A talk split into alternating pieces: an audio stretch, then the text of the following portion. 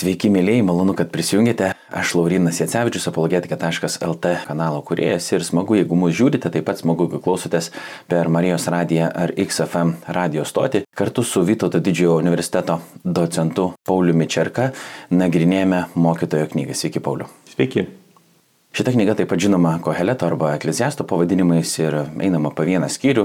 Trečiame skyriuje sustojame šiek tiek ilgiau, nagrinėjome jį per e, dvi laidas, o dabar jau gvildensime aštuntąjį šitos knygos skyrių. Jeigu ką nors esate praleidę, viską galite rasti apologetika.lt YouTube kanale, taip pat įvairiose podkastų platformose, tinklalaidžių lietuviškai dėlėtų sakyti, arba Marijos radio svetainėje. Na ką, tikriausiai grėbėm aštuntą skyrių, paskaitom nuo pirmos iki devintos eilutės ir bandysim aptarti. Kas gali lyginti su išminčiumi ir visą tai paaiškinti? Žmogaus išmintis taip apšviečia jo veidą, kad sušvelnėja griežti jo bruožai. Kaip esi prisiekęs Dievui, taip ir vykdyk, ką karalius įsako. Neskubėk pasišalinti iš karaliaus akivaizdos, nors reikalas tau ir labai nemalonus būtų, nes jis daro, kas tik jam patinka. Kadangi karaliaus žodis galingas, kas gali jam sakyti, kodėl taip darai? Kas paklūsta įsakymui, tas nepatiria jokios žalos. Išminčiaus širdis žino laiką ir nuosprendį, nes kiekvienam dalykui yra ir laikas, ir nuosprendis. Savo dideliai nelaimiai žmogus nežino, kas įvyks ir kas gali jam pasakyti, kaip tai įvyks. Kaip žmogus negali suvaldyti vėjo ar pasilaikyti gyvybės alsavimo, taip jis negali nustatyti savo mirties dienos. Tas mūšis neišvengiamas, o nedarumas bejėgis išgelbėti savo šeimininką. Visus tuos dalykus suvokiau svarstydamas visą, ką žmonės pasaulyje daro, kai žmogus užvaldo kitą žmogų jo nenaudai.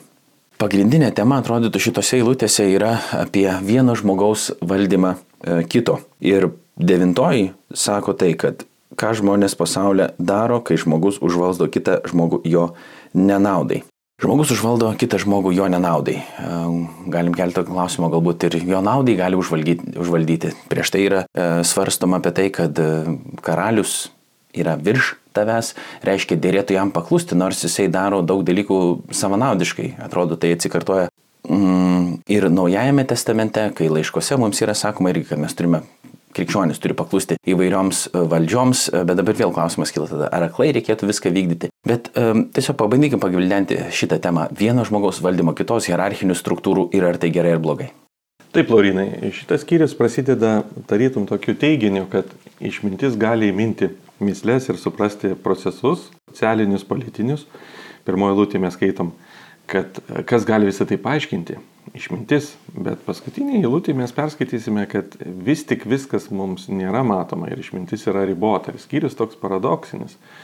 Mes pradedam nuo to, kad atrodo išmintis gali išvelgti dalykus, atpažinti jų esmę, atpažinti laiką, procesus, kita vertus tenka pripažinti, visko neišeina suprasti. Va, ir iš tikrųjų, pirmose devyniose eilutėse kalbam apie tą reiškinį, kad vieni žmonės turi įtaką ir valdžią ar galę kitiems žmonėms. Ir ekleziastas neturi e, rožinių akinių šiam procesui. Jisai pripažįsta paskutiniai eilutė, kurie perskaitė, kad tai gali būti ir žmogaus nenaudai. Jis neidealizuoja šito proceso. Kita vertus, jis nesako, kad savaime jis yra blogas, kad reikėtų su juo na, kovoti ar jį panaikinti. Priešingai, jisai kviečia kiek įmanoma išmintingai jame dalyvauti, paklūsti, atpažinti laiką ir procesą, kad galėtum galbūt apginti savo teises. Ir pirmos eilutės mums tarytum atrakina, kad išmintis nušvečia žmogaus veidą, padaro išviesų ir jo bruožus netokius griežtus. E, šventam rašte daugiausia e, tas įsireiškimas, daugiau šviečia tavo veidas taikomas Dievui, kuris reiškia iš esmės palankumą, tam tikrą atvirumą. Ir pasirodo, kad ir žmogus gali įgyti tą savybę būti atviras ir palankus, nekategoriškas ir griežtas. Kodėl? Iš kur tas kategoriškumas? Dažnai susidūrus su kitų žmonių valdžia, kuri yra nemaloni, mums atrodytų, pirmoji reakcija yra kategoriška ir griežta. Ne, to nebus, reikia tai kažkaip panaikinti, išraut. Bet e, Kliziastas sako, geriau yra išmintingai reaguoti. Tai yra švelniai sureaguoti tai. Ne viskas yra gerai su politinėm valdžiom, bet dar blogiau yra jas sunaikinti arba išgriauti taip kategoriškai revoliucijos keliu bandyti na, pertvarkyti visuomenę. Geriau yra progresinis, evoliucinis visuomenės pertvarkymo kelias. Pavyzdžiui, kad ir pakalbėkime apie tą pačią vergovę. Iš esmės, švento rašto ir apreiškimo sėklos pasodintos judėjo krikščioniškoj mąstymė mums išaugino tai, kad šiandien mes neturime vergovės. Bet tai netėjo iškart, tai atėjo po truputį. Kažkas kaltina apaštalus, jog jie nebuvo per daug kategoriškai vergovės atžvilgių, bet jei ne jų idėjos, mes e, turbūt po laipsnį sudygusios visuomenėje, mes e, tausme, tam tikrą progresų, progresyvų visuomenės pokytį mums sąlygojusios mes galbūt ir neturėtume to, ko turim šiandien. Iš principo, tas po truputį keitimas visuomenės yra tas kelias.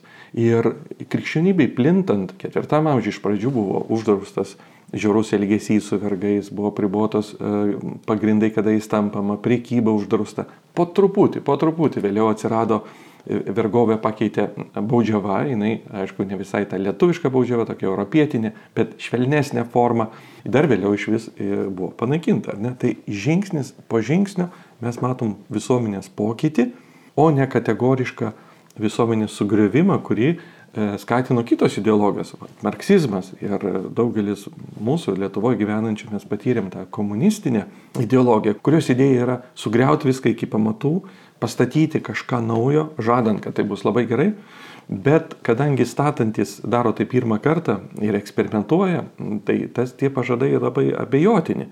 Ir paaiškėjo, kad tie vaistai, kurie buvo siūlyti išgydyti visuomenės lygas, tapo baisesni už lygą. Tai kategoriškumas ir siūlymas viską persti aukštinkojom arba viską išgriauti ir padaryti kažką naujo yra labai pavojingas kelias. Geriau yra tie minkšti veido brožai. Švelnumas reakcija į valdžią švelnesnė. Pokytis laikui bėgant.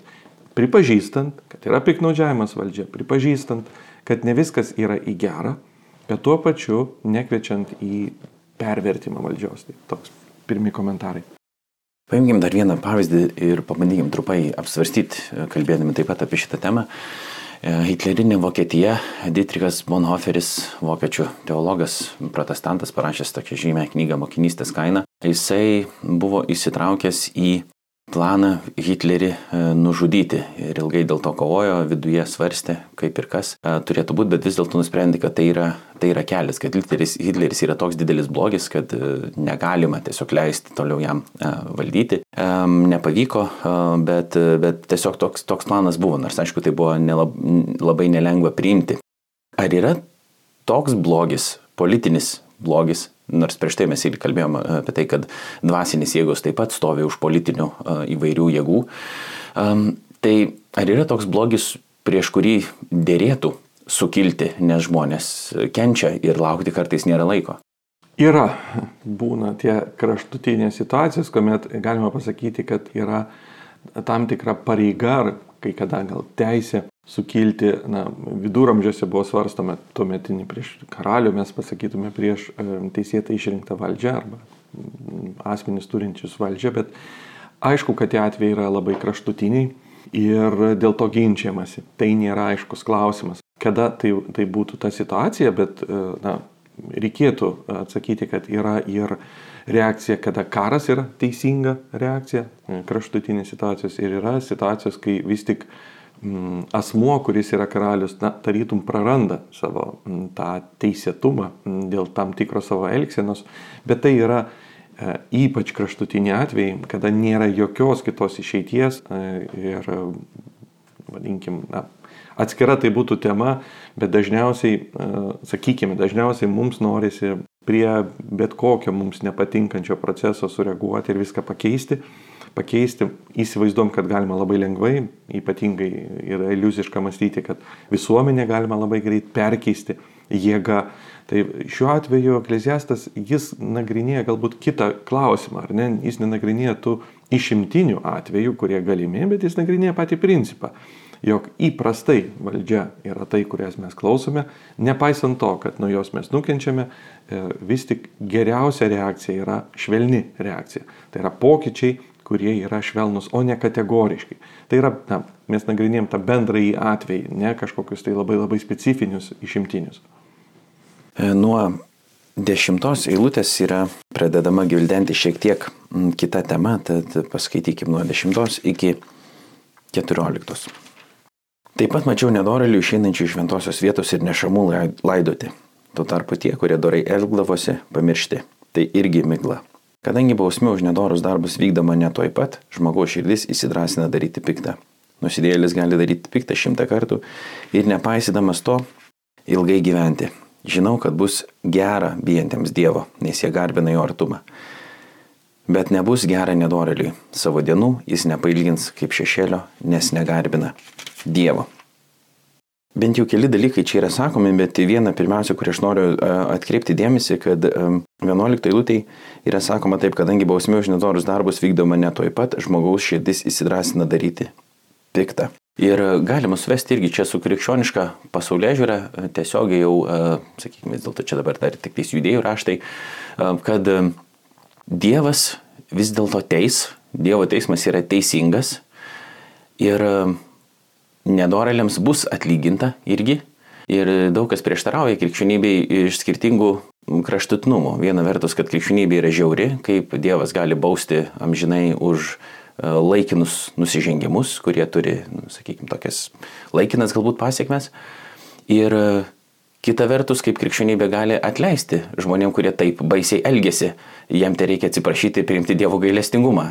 Čestertonas, žymus katalikų rašytojas, minėdavo dažnai tą įtampą tokią, kur randama yra krikščionybės tiesa arba tokį paradoksą, kur, nes žmonės kaltina krikščionybę dėl e, visiškai priešingų dalykų atrodytų. Ir ta bausmė, ir mokytojas pastebi, kad nedorėlis įsidrasina daryti blogą ir piktą dėl to, kad jis nepatiria bausmės arba pasiekmių iškart. Tai ar tai yra teisinga?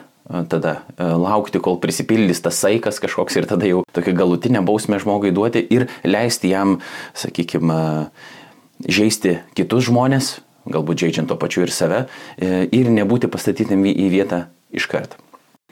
Jo, iš tikrųjų, kriminologijos mokslas mm, yra nustatęs, kad yra ryšys e, mūsų kaip visuomenės arba mūsų elgsenoje tarp to mm, nesubausmės dydžio su jos neišvengiamumu. E, ir kartais, reiškia, parlamentai kovodami su tam tikrų neigiamų reiškinių tiesiog e, pakeičia baudžiamosius kodeksus, padidina bausmės, sankcijas, tikintis, kad galbūt tas reiškinys išnyks, bet tyrimai rodo ne.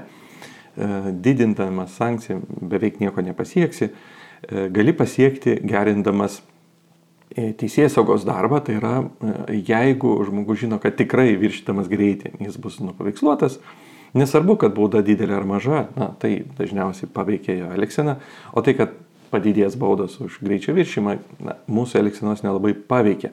Panašiai yra ir su tuo amžinojo teisingumu, kadangi jis, e, na, neaišku, jis bus ar nebus, ar ne, ir, o jeigu ir bus, tai truputį negreitai, dažniausiai tai mus vat, veda į tokį sprendimą, kad o ką žino, kaip bus. Ir klausimas, ar tai paveikia mūsų elgseną. Ir vat, tada yra tavo paties klausimas, ar čia yra viskas gerai sugalvota. Kita vertus, mūsų reakcijos iš ties ir išduoda, kaip mes vertinam dangiškai teisingumą. Jei jo nematydami mes jį reaguojam, tai gal iš tikrųjų mūsų charakteris yra vertas kažko, na, kažkokio apdovanojimo ir iš kitos pusės, nujausdami, kad jis laukia, visiškai jį ignoruodami, na vėl mes išduodam, kas mes tokie esame. Ir kaip tu pats sakėjai, jeigu tik būtų mūsų tarpusavio santykiai, kurie laikini santykiai, iš tikrųjų būtų keista, kad jie būtų įvertinti kažkokiu amžinu nuosprendžiu, bet kadangi mūsų tarpusavio santykiuose ataidi mūsų santykis į Dievą, iš esmės į tiesą arba į gėrį, iš tikrųjų tas santykis, panašu, yra vertas tam tikro na, galutinio įvertinimo. Tai iš tos pusės mes galėtume ir suprasti, kad amžinybės teismas yra, mm, na, turbūt e, teisingas, jeigu mes teisingai suprantam teisingumą. Bet kita vertus, e, taip, norėtųsi, e, kad tarytum Dievas aktyviau dalyvautų tą teismingumą įvykdant ir tai labiau paveiktų žmonės. Kartais mes nu, norėtume, kad tai būtų aktyvesnis na, Dievo įsikišimas į, į, į gyvenimą. Mm, kita vertus, Paštas Petras sako, kad Dievo kantrybę laikykite išgelbėjimu. Tai tam tikras jo kantrumas ne tik kitiems, bet ir mums. Nes dažnai mes galvodami ir linkėdami, kad Dievo teismas būtų aktyvesnis ir greitesnis, pamirštam, kad tokiu atveju mes linkime jo ir savo, o savo mes nenorim. Mes norim šiek tiek laiko, mes visada norim, kad mūsų suprastų mūsų situaciją, mūsų padėtį ir mes kažkaip bandom save pateisinti ir pamirštam tos pačius argumentus pritaikyti kitiem. Tokiu atveju iš tikrųjų tas teismo negreitumas, mes jau tada džiaugiamės, kai jis yra pritaikomas mūsų atžvilgiu. Tai tiesiog e, panašu, kad Dievas yra visiems gailestingas ir to laiko duoda. Duoda mums patiems susiprasti, e, ką, ką dera keisti. Šį sekmadienį man teko klausyti Dariau Širvio Vilnius Evangelinės bažnyčios pastoriaus e, pamokslo. Panašia tema iš tiesų apie santykius, apie teisingumą, apie baudimą. Ir pagrindinė mintis buvo tokia, kad savo elgesiu mes e, parodome, kad Dievo teismas yra teisingas, nes mes esame visą laiką linkę pasiruošę, iškart pasiruošę bausti ir teisti kiekvieną, kuris mūsų manimo elgesi neteisingai ir nesažiningai ir pirmiausia mūsų pačių atžvilgių. E, mes nebūtinai kažko nu, fizinę bausmę pritaikom ar piniginę, mes neturim tokių galbūt galių, bet net leidžiame nekalbame, pavyzdžiui, ir tai baudžiame kitą už tai, ką jis padarė blogo, kad jis susiprastų, pavyzdžiui, yra va, ignoruojame, keikime, dar kažką darome, bet mes absoliučiai visada teisėme, nuolat mes teisėme, tai yra vertiname, darome nuosprendžius ir iš tikrųjų, sako jisai, mes esam prokurorai. Ir tada, kai jau busim prieš Dievą, mes negalėsim pasakyti, kad, nu, kodėl tu mane teisi. Ta prasme, ne, ne, mes patys patvirtinom, kad savo gyvenimu, kad tai yra teisinga, kad iš tiesų toks ir yra principas ir kad Dievo teismas yra teisingas. Tik tas klausimas dabar yra, ar Dievo teismas yra toks pat kaip žmonių teismas, ar jis yra toks pat kaip mūsų. Ir tada mintis buvo tokia, kad iš tiesų tam tikrą prasme Dievo teismas nėra sąžiningas, bet nesažiningas jis yra mūsų gėriui. Ta prasme, kad mums yra atleidžiama kažkieno kito sąskaita. Tai yra nu, Dievo paties, ne, kad jisai pats prisėmė mūsų bausmę. Aišku, čia daug galima įvairių teorinių plonybių, čia žiūrėti apie taip, kaip veikia atpirkimo teologija, bet bent jau, sakykime, viena iš tų, viena iš tų vietų tikrai yra tokia ir įdomu, kad ir čia kažkas tokio panašaus yra apie tą teisimą kalbama. Ar skaitom toliau, ar nori susireaguoti? Jo, bet dar, dar yra čia problema, kurią iškelia Ekleziastas, ar ne, kad e, jis ne tai, kad mato vieną problemą, kad teisingumas yra atidėtas, jis mato ir kitą, kad iš principo viskas vyksta atvirkščiai, ar ne? Jisai sako, kad teisėjai gauna nuosprendį, kuris dera neteisėsiams, o neteisėjai gauna nuosprendį, kuris dera teisėsiams. Jis kelia šį klausimą ir sako, aš to supras negaliu. Ir kai mes sutinkam tą terminą migla, Hevel, kurį sakė, dažniausiai, aišku, jisai kalba apie, apie tą m, tam tikrą tuštumą, tai yra, kai tu darai ir niekas nesigauna, bet kai kuriuose pačiose vietose jis kalba apie kokį slėpinį, kad tai yra dalykas, kurį tu matai, bet negali suprasti. Ar ne? Lik tai rūkas, kurį atrodo jau paimtum ir, ir čia pat jis tau taptų aiškus, bet, bet jį bandai paimti ir negali paimti. Aišku, vertėjams labai sudėtinga, ar ne, parinkti kažkokį vieną žodį į lietuvių kalbą, kuris atitiktų visuose kontekstuose, bet štai čia yra dažnai, kai tai yra migla, tai yra toksai, tai man nesuprantama, tai, tai nepavyksta to išaiškinti. Tai šiuo atveju iš tikrųjų mus kankina tas klausimas, kodėl taip yra. Yra įdomu, kad um, Berots Girgalės didysis pasiūlęs tokį yra vieną iš galimų paaiškinimų ir dažnai judėjų, mąstytojų lūpose irgi sataidi, jo kartais Dievas norėdamas pagerinti mūsų statusą, padėti amžinybės teisme, mums leidžia patirti neteisybės, tam, kad padidėtų atlygis ir atvirkščiai, e, linkėdamas tarytum tam tikro griežtesnės bausmės e, neteisiesiems, jis tarytum juos atsiskaito už jų gerus darbus, kadangi visi yra ir gero ir blogo padarę, žemė atsiskaito už gerus darbus, pasunkindamas jų amžinybės padėtį, o su teisėjaisiais atsiskaito už blogus tam, kad nereikėtų už juos e, atsiskaityti amžinybės dieną. Ir tokiu atveju mes matydami tik žemišką perspektyvą stebimės, kažkaip tai netvarka. Bet jeigu mes žiūrėtume to iš amžinybės perspektyvos, staiga taptų viskas labai tvarkoje, tarytum tai taptų paaiškinama. Tai toks e, vienas iš galimų paaiškinimų e, to slėpinio, kas čia vyksta ir kodėl taip darosi. Čia mes šiek tiek šokame į 14 eilutę, kur parašyta žemėje pasitaiko, tai irgi migla, kad doram žmogui kartais atlyginama pagal nedorelio darbus, o nedoreliui pagal gerą žmogaus darbus. Kaip sakiau, tai irgi migla. Ir aš prisiminiau iš karto tokią kitą vietą iš Evangelijos pagal Morku, 10 skyrių, kur nuo 28 eilutės yra toks pasakojimas. Tada Petras sakė jam, tai yra Jėzui, Štai mes viską palikome ir sekėme paskui tave. Jėzus tarė, iš tiesų sakau jums, nėra nei vieno, kuris dėl manęs ir dėl Evangelijos paliktų namus ar brolius, ar seseris, ar motiną, ar tėvą, ar vaikus, ar laukus ir kuris dabar jau šiuo metu negautų šimteriopai namų, brolių, seserų, motinų, vaikų ir laukų, kartu su persiekėjimais ir busimajame pasaulyje amžinojo gyvenimo. Tačiau daugel pirmųjų bus paskutiniai ir daugel paskutinių pirmi netrodytų, kad e, net ir mokiniams Jėzaus kylas klausimas, kodėl mums taip sunku atrodo, jeigu tu esi mesijas, jeigu tu esi tai, kas tu sakai, mes viską dėl tavęs palikom, sekam paskui tave ir kažko kaip ir trūksta. Ir tada Jėzus sako, jau dabar jūs turite tam tikrų dalykų gavę, e, daugiau negu kad jūs turėjot prieš tai, tik tai reikia apsidaryti aplinkui ir iš tikrųjų pamatyti. O kitas dalykas tada jau ir dar yra jums paruošta kažkas ženkliai, ženkliai daugiau, ko jūs dabar dar nematot. Ir tada gali prisiminti Hebrajams 11 skyrių, kur yra parašyta, kad tikėjimas laiduoja mums tai, ko vilėmės ir įrodo tikrovę, kurios nematome. Ne? Kad tikėjimas yra tas raktas, kuris mums laiduoja tą galutinę tikrovę, tai kas bus, ko mes dabar nematom, bet turim gero pagrindo viltis. Arba jeigu galvojam, kad neturim gero pagrindo viltis, tada galim uh, vėlgi žiūrėti taip, kaip uh, Jėzus atsisuko į savo mokinius ir sako, gal jūs norit mane palikti? Ta Petras sako, na, kur mes eisim, tu turi gyvenimo žodžius. klausimas, kad visą laiką kažką, pa, norint eiti kažkur kitur, klausimas yra, kur tu eini, norint tiksliau kažką palikti ir klausimas, kur tu eini ir ar tai būtinai bus geriau, nes atrodytų irgi, pavyzdžiui, čia, nu, gal nebetikėti, jeigu yra labai sunku gyvenime, gal ten dar kažkas atsitiko, nu, bet klausimas, ar yra geresnė alternatyva už tai. Aišku, tai dabar neįrodo, kad tai yra tiesa, jeigu yra geresnė alternatyva, bet čia toks egzistencinis galbūt yra argumentas tam tikras. Bet aišku, krikščionybė teigia, kad jinai yra tiesa. Jėzus pats sako, aš esu tiesa kelias ir gyvenimas. Tai um, atrodytų, kad siejasi tos mintis ir toks krikščioniškas kelias, e, biblinis kelias, nu, atrodytų, nėra lengvas. Tas galėtų būti doras žmogus, esi kviečiamas toks būti, bet e, labai retai tu gausi kažkokį greitą atpildą, tai yra gera, ne, kažkokį pagirimą ir netgi gal potencialiai sulauksi persiekėjimo arba keikimo ar dar kažko panašaus. Jo, iš tikrųjų, jo.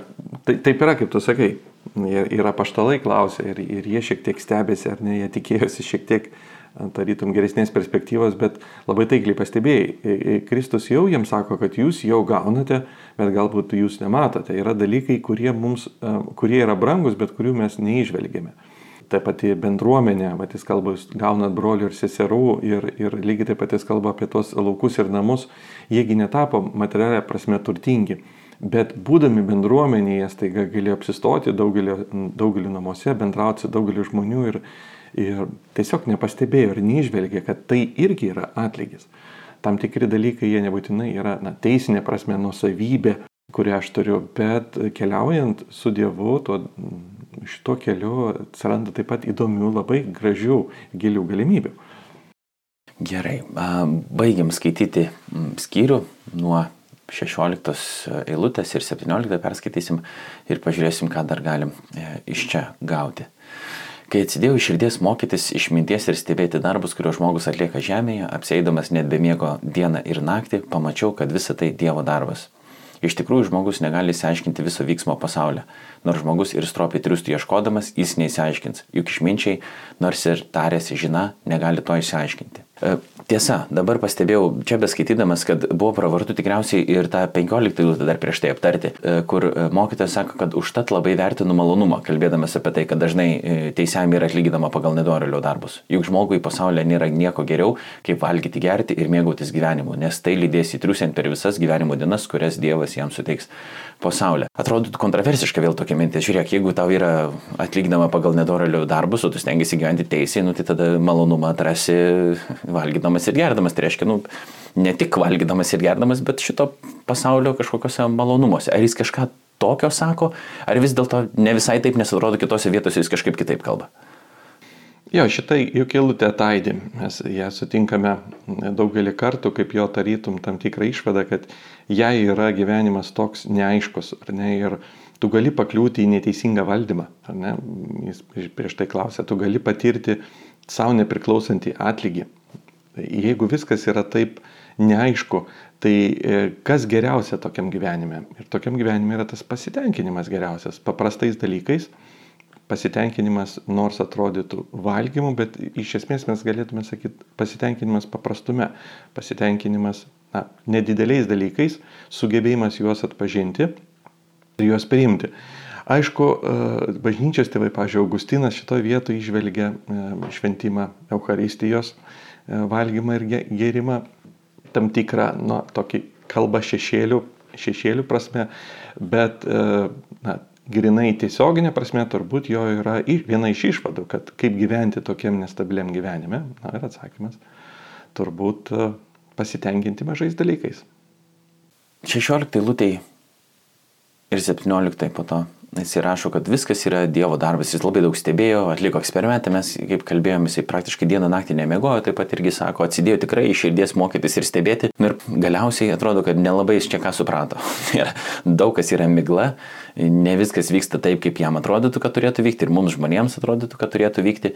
Ir net ir tie išminčiai, kurie tarėsi, kad kažką žino, nelabai čia gali ko išsiaiškinti. Visa yra e, Dievo darbas. Tai galbūt apie galimybės išsiaiškinti ir suprasti save pačius ir pasaulį galim pasikalbėti kažkiek iš tikrųjų apie žmogaus supratimo ribas ir ar tikrai viskas yra jau tokia migla ir nieko neįmanoma išsiaiškinti, ar vėlgi čia tiesiog yra tas principas, kad mokytas mus uh, moko būti kuklesniais, santūresniais, ne, pripažinti savo sugebėjimų, uh, mąstymą ir taip toliau ribas ir pripažinti, kad yra vis dėlto Dievas aukščiau už mūsų ir visa yra Dievo darbas ir daug mes dalykų tiesiog negalim suprasti, tai mus pastato į tam tikrą poziciją.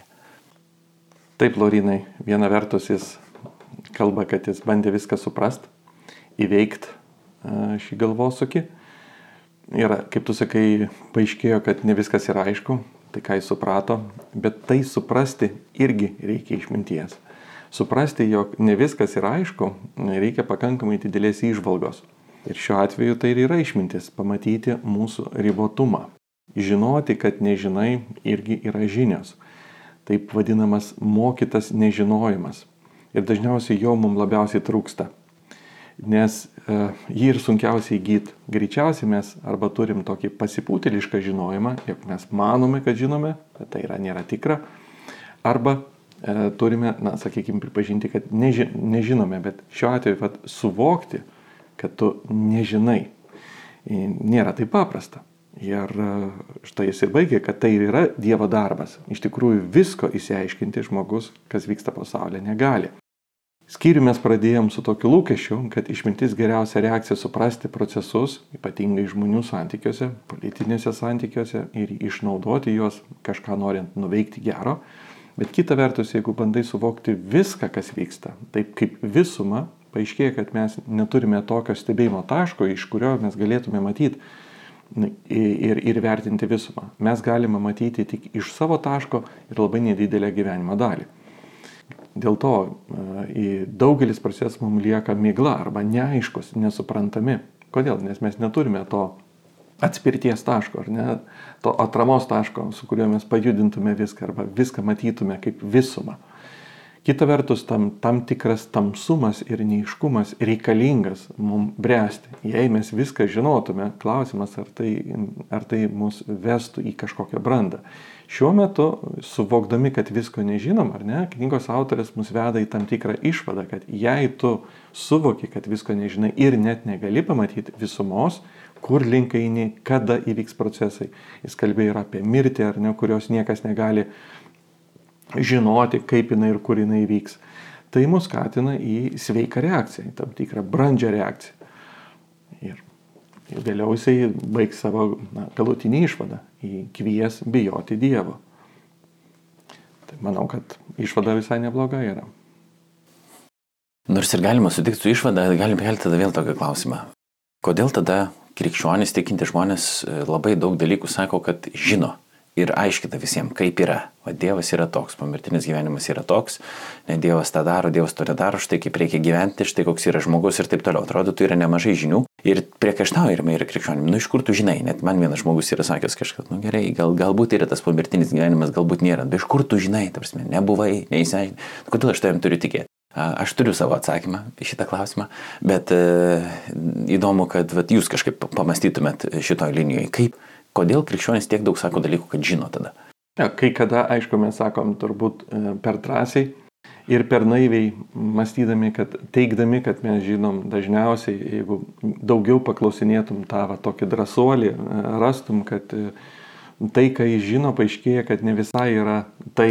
Tiesiog dažniausiai jis turi tam tikrus lengvus atsakymus ir pradėjus eiti gilin, vad kaip Sokratas mėgdavo, ne, su žmogum, kuris buvo įsitikinęs, kad viskas yra paprasta ir aišku, pradėjęs pokalbį, e, greitai parodydavo pačiam žmogui, kad na, ne viskas taip yra aišku ir paprasta, na, todėl jeigu viskas būtų lengva, argi žmonės mokintųsi teologijos ir, ir nagrinėtųsi, diskutuotų. Tai, tai viena vertus, kad dažniausiai mes per, per lengvai nuraminam save, kad mes viską žinom, Va, kita vertus, aišku, ekleziastė mes kalbam apie tam tikrą e, proto žvilgsnį e, po Saulė vykstančių procesų ir jau iš jų mes galime labai nedaug daug pasimokyti. Aišku, kad e, yra ir kitas būdas mums pažinti pasaulį, tai yra prieškimo dovanotas tiesos, kurios yra dovanojamos visai Dievo tautai ir mes džiaugiamės e, tuo prieškimu. Tai nėra vien tik tai protų pažįstamas pasaulis, bet ir yra prieškimu. Ypač tie dalykai, kurie na, niekaip nebūtų pasiekimi protu. Ir čia aišku, jau kai mes kalbam apie pomirtinį gyvenimą, tai suprantama, nie, žmogaus išvalga mums negali pasakyti, kas ten bus, tai jau yra apriškimo dalis. Ir mūsų pasitikėjimo Dievu, kad jis nemeluoja dalis. Bet knygoje, aišku, šitoj knygoje, kur mes esam nagrinėjami, yra žemiško gyvenimo procesai, bandymas juos suprasti ir iš to pasimokyti.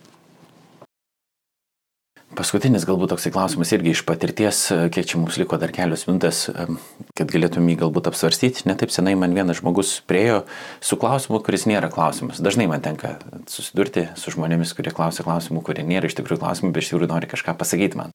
Ir klausimas buvo vėlgi, kažkaip, net nežinau dabar tiksliai kaip reikėtų suformuoti, bet kažkas apie paštalus. Um, iš kur jie žinojo, bažny... iš kur jie suprato, kokia turėtų būti bažnyčios struktūra. Ir kažkaip ten buvo keli tokie dalykai į vieną vietą sudėti. Aš bandžiau mm, kažkaip reaguoti ir po to klaus, tikslintis, e, klausti, ar aš teisingai supratau ir prašiau patikslinti man klausimą ir žmogus tikslino tą klausimą. Ir betikslindamas klausimą e, man trumpą paskaitėlį išdėstė per tiek, kiek laiko mes turėjom ir po to reikėjo eiti. Bet mintis buvo kokia, mes šiaip kalbėjom tame kontekste apie apologetiką, tai ten buvo toks didesnis susitikimas ne, ir apie taip pat proto reikšmę uh, tikėjime uh, ir netikėjime. Ir aš kiek supratau tą žmogų, tai iš tos paskaitėlės, kad e, nereikia proto vadovautis ir nereikia nieko įtikinėti ir svarbiausia yra augdyti dvasinį žmogų, kaip tai yra daroma daugiausiai per kalbų dovaną praktikuojant. E, aišku, čia nemokyto knygos kontekstas, bet tiesiog ne, apie proto, proto ir tikėjimo santyki. Um, ir gal, galimybės pažinti. Ir kai tu, sako, ir kaip ilgėsi kalbom, ir ten po to daug visokių buvo terminų e, kitokių, ir labai daug Biblijos eilučių įpinta, bet mintis buvo tokia, kad tu kažkaip ugdai tą savo dvasinį žmogų, bet protas tame nedalyvauja ir ugdydamas dvasinį žmogų tu supranti, koks yra Dievas, tu supranti labai daug visokių dalykų ir iš principo protauti nu, nereikia. Aš aišku šyptelėjau šiek tiek, nes, nu, pavyzdžiui, apie tikinėjimą, kai jisai kalbėjo, nu, tai jis mane septynias minutės įtikinėja savo tiesą ir jis tai daro e, nekalbėdamas kalbomis, o proto argumentais man dėsto e, teologiją iš principo tam tikrą savo sampratą, bet taip ir paliko šitą situaciją. Tai dabar tas proto, galbūt ir tikėjimo santykis, mes ne vieną kartą esame taip, e, apie tai kalbėję, bet kodėl žmonės, galbūt iš to, ką papreikim, kodėl daliai žmonių atrodo, kad vis dėlto protas yra absoliučiai nenaudingas tikėjime. Ir galbūt tada šitą išvadą tokia, kad, nu vis tiek mes nieko nesuprasim, protas yra labai ribotas. Tai galbūt kažkokiam kitom praktikom reikia užsimti. Tada tiesiog bendrauti tiesiogiai su Dievu, kad ir kaip tai atrodytų, ir gauti kažkokį dvasinį pažinimą. Dvasinis pažinimas yra ženkliai geriau negu proto pažinimas, proto pažinimas iš vis tave klaidina ir dėl to jo net nereikia. Jo, juk vienas Dievo įsakymų, reiškia didysis įsakymas, kaip Kristus sako Evangelijoje, yra mylėsi Dievą visų savo protų. Šiuo atveju žmogus yra vientisas ir na, vienos ideologijos bando išdalinti kūną ir sielą, ar ne, taip dirbtinai atriboti.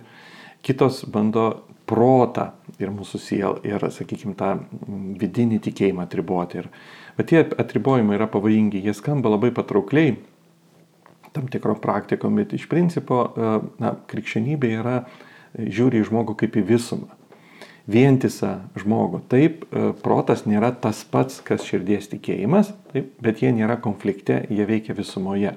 Kūnas ir siela nėra tas pats, tai yra du pradai, bet, bet žmogus nesidalina, jis yra vientisas. Ir geriausios yra na, teologijos, ar ne, kurios išsaugo tą vientisumą. Ir netgi va, tavo paties pasakytas pavyzdys, diskusija kilo apie bažnyčios struktūrą, tarytum juk Evangelijos nesako apie tą struktūrą, į kurią išsivystė jau apaštalų darbuose bažnyčia, ar ne? ne?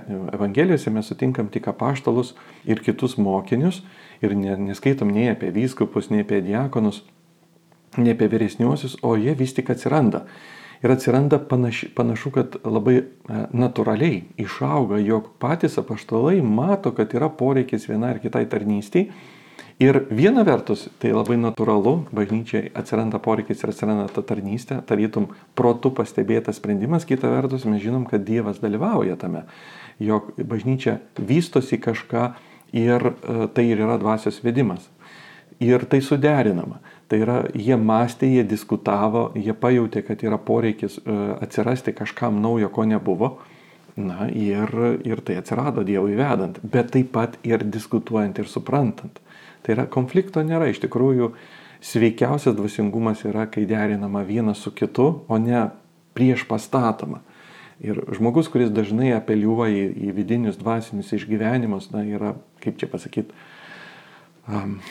yra pavojingoje kelyje, nes e, Naujam testamente yra raginama ištirti ir pranašystės, ir apreiškimus, leisti kitiems juos apsvarstyti. Ar ne? Tiek e, suder, suprantant apreiškimą, tiek sude, e, įsiaiškinant, ar tai dera su tuo, kas jau apreikšta, tiek ar tai dera su sveiku supratimu, ar ne. Tai šiuo atveju e, Naujas testamentas kalba kitą, kad mes turėtume savo idėjas, nepaisant to, kokios jos mum įtikinamos bebūtų, e, leisti kitiem jas kritikuoti ir persvarstyti. Ir toks yra kelias. Ir mes matom, kad bažnyčios tėvuose net ir jie dažnai klyzdavo. Bet jie turėdavo pakankamai nuolankumo, na, išgirdę tam tikrą neigiamą reakciją bendruomenės, kad ta idėja neprimtina, na, priimti tai. Tai šiuo atveju na, tie didieji tikėjimo vyrai, jie nepasižymėjo savo neklistamumu, pasakykime, bet jie pasižymėjo to, kad sugebėdavo leisti kitiems juos pakoreguoti ir, ir pataisyti ir kartais priimti, priimti, kad jie klysta.